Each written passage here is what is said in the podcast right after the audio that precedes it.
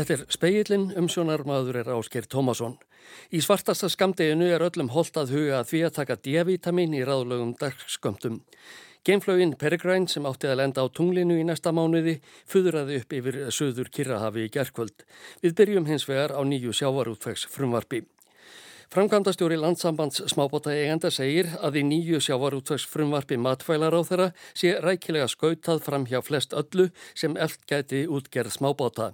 Þvert að móti blasi við að veiði heimildir verði skertar, þvert á þar vendingar sem smábóta eigendur hafi gert sér.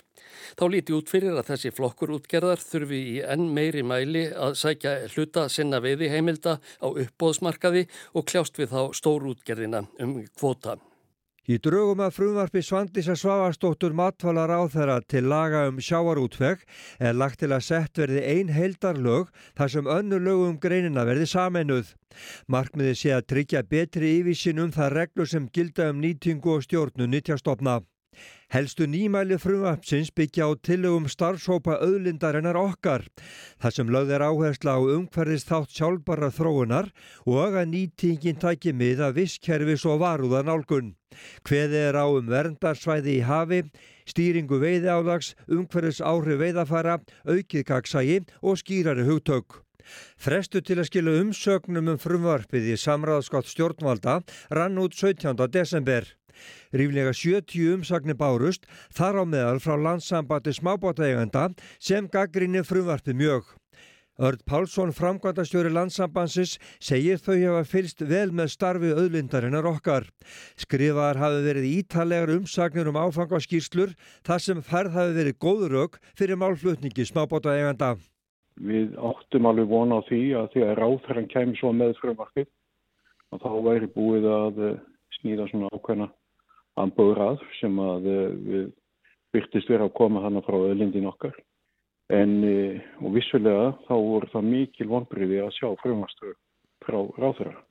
Vegna þess að það var freka bætt í e, gagvæsm eða e, á mótið smábótánum heldur en hitt. Algjör vissa hafi verið um það meðal eiganda smábáta að þið frumvarpinu eruð lagt til að afla heimildi til strandveiða eruðu auknar. Enda hafi 72,3% þjóðarinnar líst sig fylgjandi því í könnun matvalaráðunnitisins. Ekkert komi hins vega fram með frumvarpinu um slíka aukningu. Þá nefnir örnað Ufsi sem strandveiðibátum er heimilt að nota án þess að hann teljist til hámarksabla í veiðiferðinni verði tekinn burt sem meðabli og sangvat frumvarpinu feldur að fullu inn í dagskamt bátana. Og uh, það eru mikil mikil vonbreiði að sjá það og uh, síðan uh, þegar ringt er í frumvarpið og uh, skýringa með því skoðar að þá er ekkert sagt hvers vegna uppsins er tekin að. Við erum að horfa upp á uppsann sem að hefur verið vann nýttur undanfærin ár. Við sínist að veiðihimildi sem hafa ekki verið nýttar á undanfærinu þremur árum þeir getur verið um 20 miljardar í aflöðarmæti og uh, á sama tíma þá er verið að leggja það til að uh, þetta sé dreyð úr uppsafla hjá þessum minnstu bátum. Þá nefnir örn línu ívilnun. Þar mega eigendur dagróðra báta sem stunda línu veðar engöngu að uppfylltum ákveðnum skilirðum landa abla umfram ablamark í ákveðnum fisktegundum. Uh, vissulega hefur heimildinni þar hafa verið skornar tölvert nýður en þær eru mannum algjörlega nöðsynlegar og fólki sem býr í þessum dreifðu byggðu þessum línu yfirlun er nýtt með því að eh, vinna við betningu og uh, það á að láta hana fjara út og uh, taka hana af uh, smábóttunum og þetta er náttúrulega ekkit annað skerfing á veiði heimildum þessar aðla og þetta eru aðla sem að meiga ekki við einu, ein, einni einustu skerfingu og vegna þess að móti hefur komið að þeir hafa ekki getað leikt til sín eina veiðihimildir bara undanfæran tvö ár. Þannig að sá markaður er algjörlega fróðsinn. Stór hluti af aflaheimildum smábáta er í hennu svo kallaða 5,3% af hluta kvótakerfisins. Það á meðal annars við um strandveðar, byggða kvóta og línu í vilnun. Örd segir að í sjáurútest frumvarpunni sé annað orðalag og áherslu breytingar sem geti orðið til þess að skerða veiðheimildir sem þarna eru. Í lögunum í dag þá er skilt að halda eftir alltaf 5,3% að, að útlutu veiðheimildum. En í frumvarströfunum þá leggur ráðherra það til að í ráðherra er heimilt og þetta er náttúrulega allt allt annað. Þannig að maður spyr sig, er verið að stefna því að ná þessum heimildum að næsti ráðherra eða þessi ráðherra það fara eftir heimild og útluta þá minna heldur um 1,3%. Og þetta viljum við náttúrulega ekki sjá að sé í þessu frumvarkum, við viljum náttúrulega brekka það er við bætt við heldur við nýtt.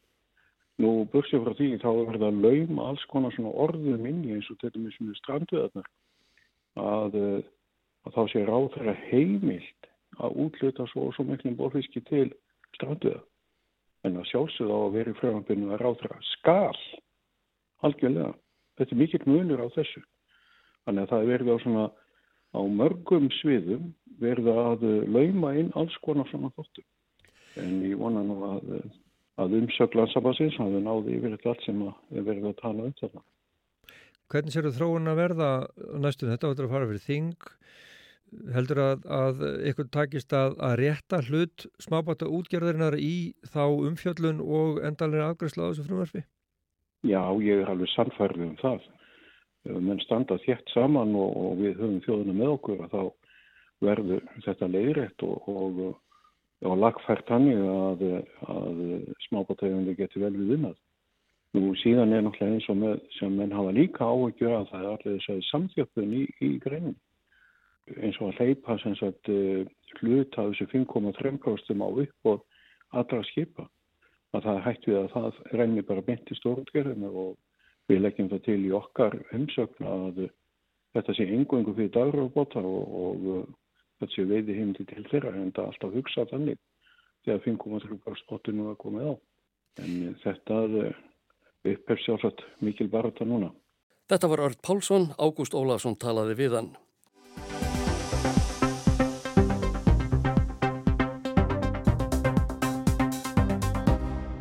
D-vitamin er eina bætiefni sem landlæknisembættið ráðlegur öllum landsmönnum að taka, óháð kyni, aldri og hverju öðru sem er. Ráðlegu dagskamtur 10-70 ára er 15 mikrogram eða 600 alþjóðlegar einingar en það gildir aðeins fyrir þau sem eru með nóg af D-vitamini fyrir. Hinnum sem ekki búa svo vel er eindreiði ráðlagt að taka markvaldan skamt á meðan þau eru að byggja upp forða og þau eru mörg sem eru þeim spórum því samkvæmt landskönnun á mataræði Íslendinga á árunum 2019 til 2021 nær innan við helmingur fullorðina Íslendinga að innbyrða ráðlaðan dagskamt af D-vitamini. Verst er ástandi meðal ungs fólks á aldrinum 18 til 39 ára en einungis fjórðungur karla og þriðjungur kvenna á þessum aldri fær nóg D-vitamin. Talsverðar áhyggjur eru líka uppi að því að enn yngri börn og úlingar séu ekki að fá nægilegt D-vitamin. En hvers vegna þurfum við það og hver eru helstu enginni D-vitamin skorts? Við spurðum Jóhannu Eirunu Torfadóttur, verkefnastjóra næringar hjá landlæknisembættinu að því. Það er oft freyta. Það er svona oft það sem kannski fólk er að, uppgöta að það er eitthvað að. En svo er náttúrulega þessi alveglegu enginni af D-vitamin skorti. Það er þá ásif á beinin. Þannig að hjá börnum kallast það bein meira. Þannig að beini verða mjúk og hjá fullotnum er þetta þá bara beinþynning. Þannig að það er svona alveglegustu tilvíkin sem tengjast díotuminskorti. Það sem er alveg staðfest að díotumin er nöðsilegt, það er fyrir beinagrindin okkar til þess að geta nýtt á kalkið úr fæðinni. Því að ef við fáum fullt af kalki úr fæðinni sem við þurfum að fá, þá getum við ekki nýtt að við fáum ekki díotamin. Þannig að díotamin er alveg einstaklega mikilvægt til þess að við bara byrjum okkur, höldum beinagrindin uppi og hérna og hormóna sem stýra kalkinu í blóðinu. Svo er það eina sem er svona virkilega staðfest með hilsútkomur er að það ef við því ítrekka í rannsóknum að fólk sem er með háan díotaminstatus í blóði, það er minni dánatíðinni. Það er minni dánatíðin að völdum krabba meina. En það sérst engin sérstakar ávinningur að því að fara eitthvað mjög hátt með díotaminni í blóðinu. Þetta er ekki því meira því betra og það þarf að passa þetta mjög vel að taka mitt ekki að háa skapta af því að þá getur líka verið úrkölkun úr beinu. Það getur líka verið vond fyrir nýrun okkar og auki líkur á nýrnastæðin. D-vitamin getur sapnast upp í líkamannum og efri mörkin fyrir fólk sem er að vinna upp D-vitaminskort líka við 100 mikrogram á dag eða 4000 alþjóðlegar einingar. Ef þú fer yfir þessi mörk í langan tíma þá er hægt á þessum eitrunarenginum sem eins og þetta til dæmis að þetta vald, getur valdið úrkölkun úr beinum en, en eins og ég segi ef að það er að vinna upp skort þá er í lægi tímabundið að taka hærri skamta en það sé gert í samræði við helbriðstasfólk. Annað sem stundum hefur verið tengt við D-vitaminskort er vanlíðan og þunglindi en það hafa rannsóknu sínt fylgni þarna á milli því minna D-vitamin því herri tíðni þunglindis. Þetta er þó ekki svona einfalt, segir Jóhanna, en það fylgni ekki það sama á orsakasamband. Blóðsýni sýnir nefnilega bara hversu mikið D-vitamin er í blóðinu en ekki hvaðan það er komið og það skiptir líka miklu máli. Ef þú kikið bara á blóðpröfuna það gæti verið að, að þeir sem sem líður betur, að það er þeir sem hafa verið mikið úti og jáfnvel að seifa sig. Þannig að það er þá kannski meira sáþáttu sem er verðandi gegn þunglindi heldur það hvað mælist mikið díotamín í blóðinu. Að því að, að hár styrkur af díotamín í blóði getur einfallega verið það að þú ert útivistamanniska og ert mikið að reyfa þig úti. Það getur ekki tengst endilega díotamín og nokkur ná. Og það er það sem hefur oft verið að ruggla fólk og það er eins bara líka að díotamín átt að venda gegn öllu krabbameinum en, en við vitum alveg að það sem venda gegn krabbameinum er líkanlega hreyfing. Þannig að þeir sem eru að hreyfa sig mikið er oft meira úti, er þá oft meira díotamín í blóðinu. Þannig að það er það sem hefur verið svona aldrei rugglandi faktor þegar að vera að rannsaka díotamín En eitt sem flækir málin er að þótt þrálátt þreita geti vissulega verið til marksum D-vitamin skort, þá getur hún líka orsakast af allt öðru, svo sem skorti á öðrum næringar, bæti og snefilefnum, ekki síst járni. Járnskortur, segir Jóhanna, er nefnilega giska algengur þreituvaldur meðal kvenna á barnegnaraldri og barna ólinga í örum vexti og auðvelta rögla honum saman við D-vitamin skort. Því sé alltaf rétt að ráðfara sér við lækni áður en byrjaðir að gleipa bætefni í stórum stíl hvaða nafni sem þau nefnast. Þeirri ástöðu hefur endar vaksið ásmegi meðal næringar og líðhelsu fræðinga að fólk eigi almennt ekki að taka inn tilbúin bætefni, heldur sér betra að sækja þau byndi í fæðuna með því að borða á hotlan og fjölbreyttan mat. Þetta er líka línan hér en það er góð og gild ástæði fyrir því að D-vitamin er eina allsherjar undantekningin frá henni og mælt með að allir taki aukaskamt af því. Það er nefnilega afar erfitt að fá nóga D-vitamini úr mat. Það er eiginlega bara feitu fiskur sem getur gefið svona eitthvað magna viti. Þú er kannski að fá úr 100 grammum af, af feitu fisk svona eitthvað kringum 8 mikrogram af D-vitamini. En svo eru náttúrulega vörur á markaði sem eru þá díotamin bættar og það er þá um þetta eins og mjölk og einhverju júrstóljur og eitthvað af líka stjústa mjölk er díotamin bætt. En það er svona, það er bara svona mjög valfrjálst. Það er ekki þannig að það sé einhver reglugerði í gangi sem að segja það í að díotamin bæta einhverjar fæðutöfundir. Og hinn meginu spretta D-vitamins, sólarljósið, er líka af skortnum skamti hér á landi í það minsta á þessum ástíma. En það má kannski bæta sér það upp með ljósabekkjum og sólalandaferðum, eða hvað? Já, það er alveg þannig, en, en á móti kemur að við viljum ekki að fólk sé mikið í sólina og svo nota sólavörd og við það nota sólavörd þá, þá er mjög lítil geta til þess að búa til D-vitamin. Þannig að hérna svona ráðleggingarnir er oft kannski, getur verið úti í svona kortir 20 mínútur þegar að sólinn er kannski ekki mjög sterk. Þá er ég ekki að tala um Ísland, þú veist ég er að tala um að þú verður einhverstaðar annar staðar og, og þá gætur búið til skamtið þinn og svo verða á þið sólöfur. En þetta er raun og veru verður erfiðara ef þú erst með dökka húð og líka eftir sem verður eldri. Þá mingar getan til þess að búa til díotamin gegnum húðina. Það er þess vegna sem við mælum með herri skamtu fyrir 70 ára eldri sagði Jóhanna Eirun Torfadóttir, Ævarur Njósefsson tók saman.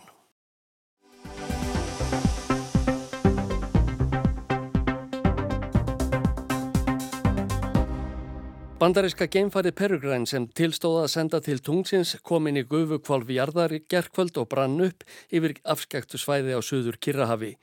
Því var skotið á loft frá Kanaveralhauða 8. janúar.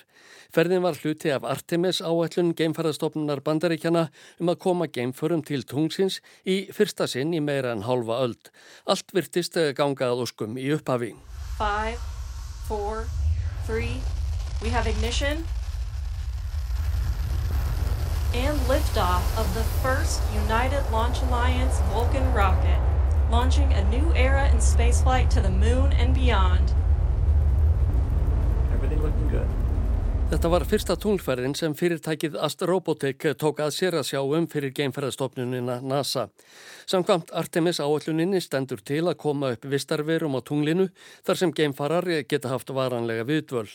Þær verða í raun fyrsti áfangi áallunarinnar um enn lengra ferðalag til reykistjórnunar Mars. Í geimfluginni voru nokkur rannsóknartæki, þau fyrstu af ótalmörgum sem tilstendur að senda til tungsins á næstu árum. Síðar verða sendarþangað ymsar eh, aðrar vörur eh, og búnaður svo sem rafstöðvar, farartæki, fjarskiptabúnaður og ótalmart sem á að gera fólki kleft að hafast við á tunglinu um lengri eða skemmri tíma. Peregræn átti að lenda á tunglinu 23. februar. Allt gekkað óskum fyrst eftir að farinu var skotið á loft. Nokkur síðar greindu starfsmenn Ast Robotic frá því að ekki væri und að snúa sólarsellu á því í áttil sólarinnar. Einning var eldsneiti farið að leka af flauginni og ytri byrði skemmtist. Því þótti ljóst að ekki erði und að lenda Peregrín farinu mjúklega á tunglinu og því var í ferðin í rauninni til einskis. Skömmu síðar tilkynnti Bill Nelson, forstjóri NASA, að því hefði verið frestað frá desember 2025 til september árið eftir að senda mannað geimfar til tungsins. Fyrir þessa fyrstu geimferð á vegum Astrobotic hafði NASA greitt fyrirtækinu um 100 miljónir dollara. Ekki er annað vitað en að samstarfið haldi áfram þrótt fyrir vandamálinn sem komu upp í fyrstu ferðinni. NASA hefur einnig samið við tvö önnur fyrirtæki, Inutivi Machines og Firefly.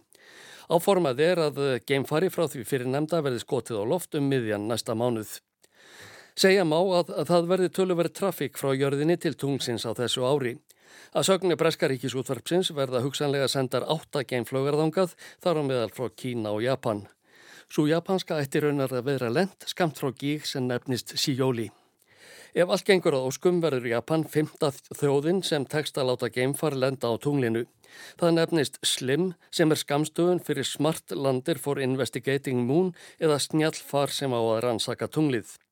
Katrin Heimans, stjarnæðlisfræðingur við Edinborgar háskóla, segir í viðtali við Breska ríkisútvarpið að takist lendingin að óskum marki hún þáttaskil í geimförðum til tungsins. Íslim eru háþróuðu leðsugutæki og því stefna Japanar að mun nákvæmari lendingu en öðrum hefur tekist til þessa. I'm incredibly excited. If they can make this happen, then it opens up so many more possibilities for lunar exploration in the future. Ég er ótrúlega spennt Ef þetta hefnast, opnast svo margir möguleikar fyrir enn frekari rannsóknir út í gemnum í framtíðinni, segir Heimans. Osamu Mori, profesor við JAXA, gemfræðastofnun Japans, greindi frá því síðdeis að allt væri tilbúið fyrir lendingu slimfarsins. Það fer á um það byl 1700 metra hraða á sekundu í lendingu. Það er sjösinnum meiri hraði en farþega þóttna. Þetta verða 20 mínútur af hryllingi, sagði profesorinn. Auk þess að metfjöldi geimferða verður til tungsins í ár halda hefðbundarferðir áfram millir jarðar og ISS, alþjóðlegu geimvísindastöðvarinnar. Eins lík var farin í gerkvöld. Um borð voru bandarisk spænskur leðangurstjóri, flugmaður frá ítalska flughernum, Tyrki og norðurlandabúin Markus Vand. Sænska sjónvarpi segir að hans er þriðji svíin sem fer út í geiminn. Norska ríkisútvarpið segir að hans er fyrsti norðmaðurinn sem er sendur út í geiminn enda norskur ríkisborgari þótt norsk-sænskur sé. Hvorar þjóðar sem Markus Vand er var hann allt tjent í sjöunda heimni í gerðkvöld þegar hann var komin út fyrir gufukvolfið. Hei allihopa, helt underbart að það er umnan. A fantastic ride. Það er frábært að vera komin út í geiminn, þvílikt mögnuðferð, sagði skandinaviski geimfarin. Hans býður tveggja vikna dvöl í geimstöðinni, þar tekur hann þátt í sænskri rannsóknum áhrif þess að dvelja í langan tíma í þraungu rými. Fleira er ekki í speklinum í kvöld, tæknimaður var Magnús Þorsteit Magnússon, góðar stundir.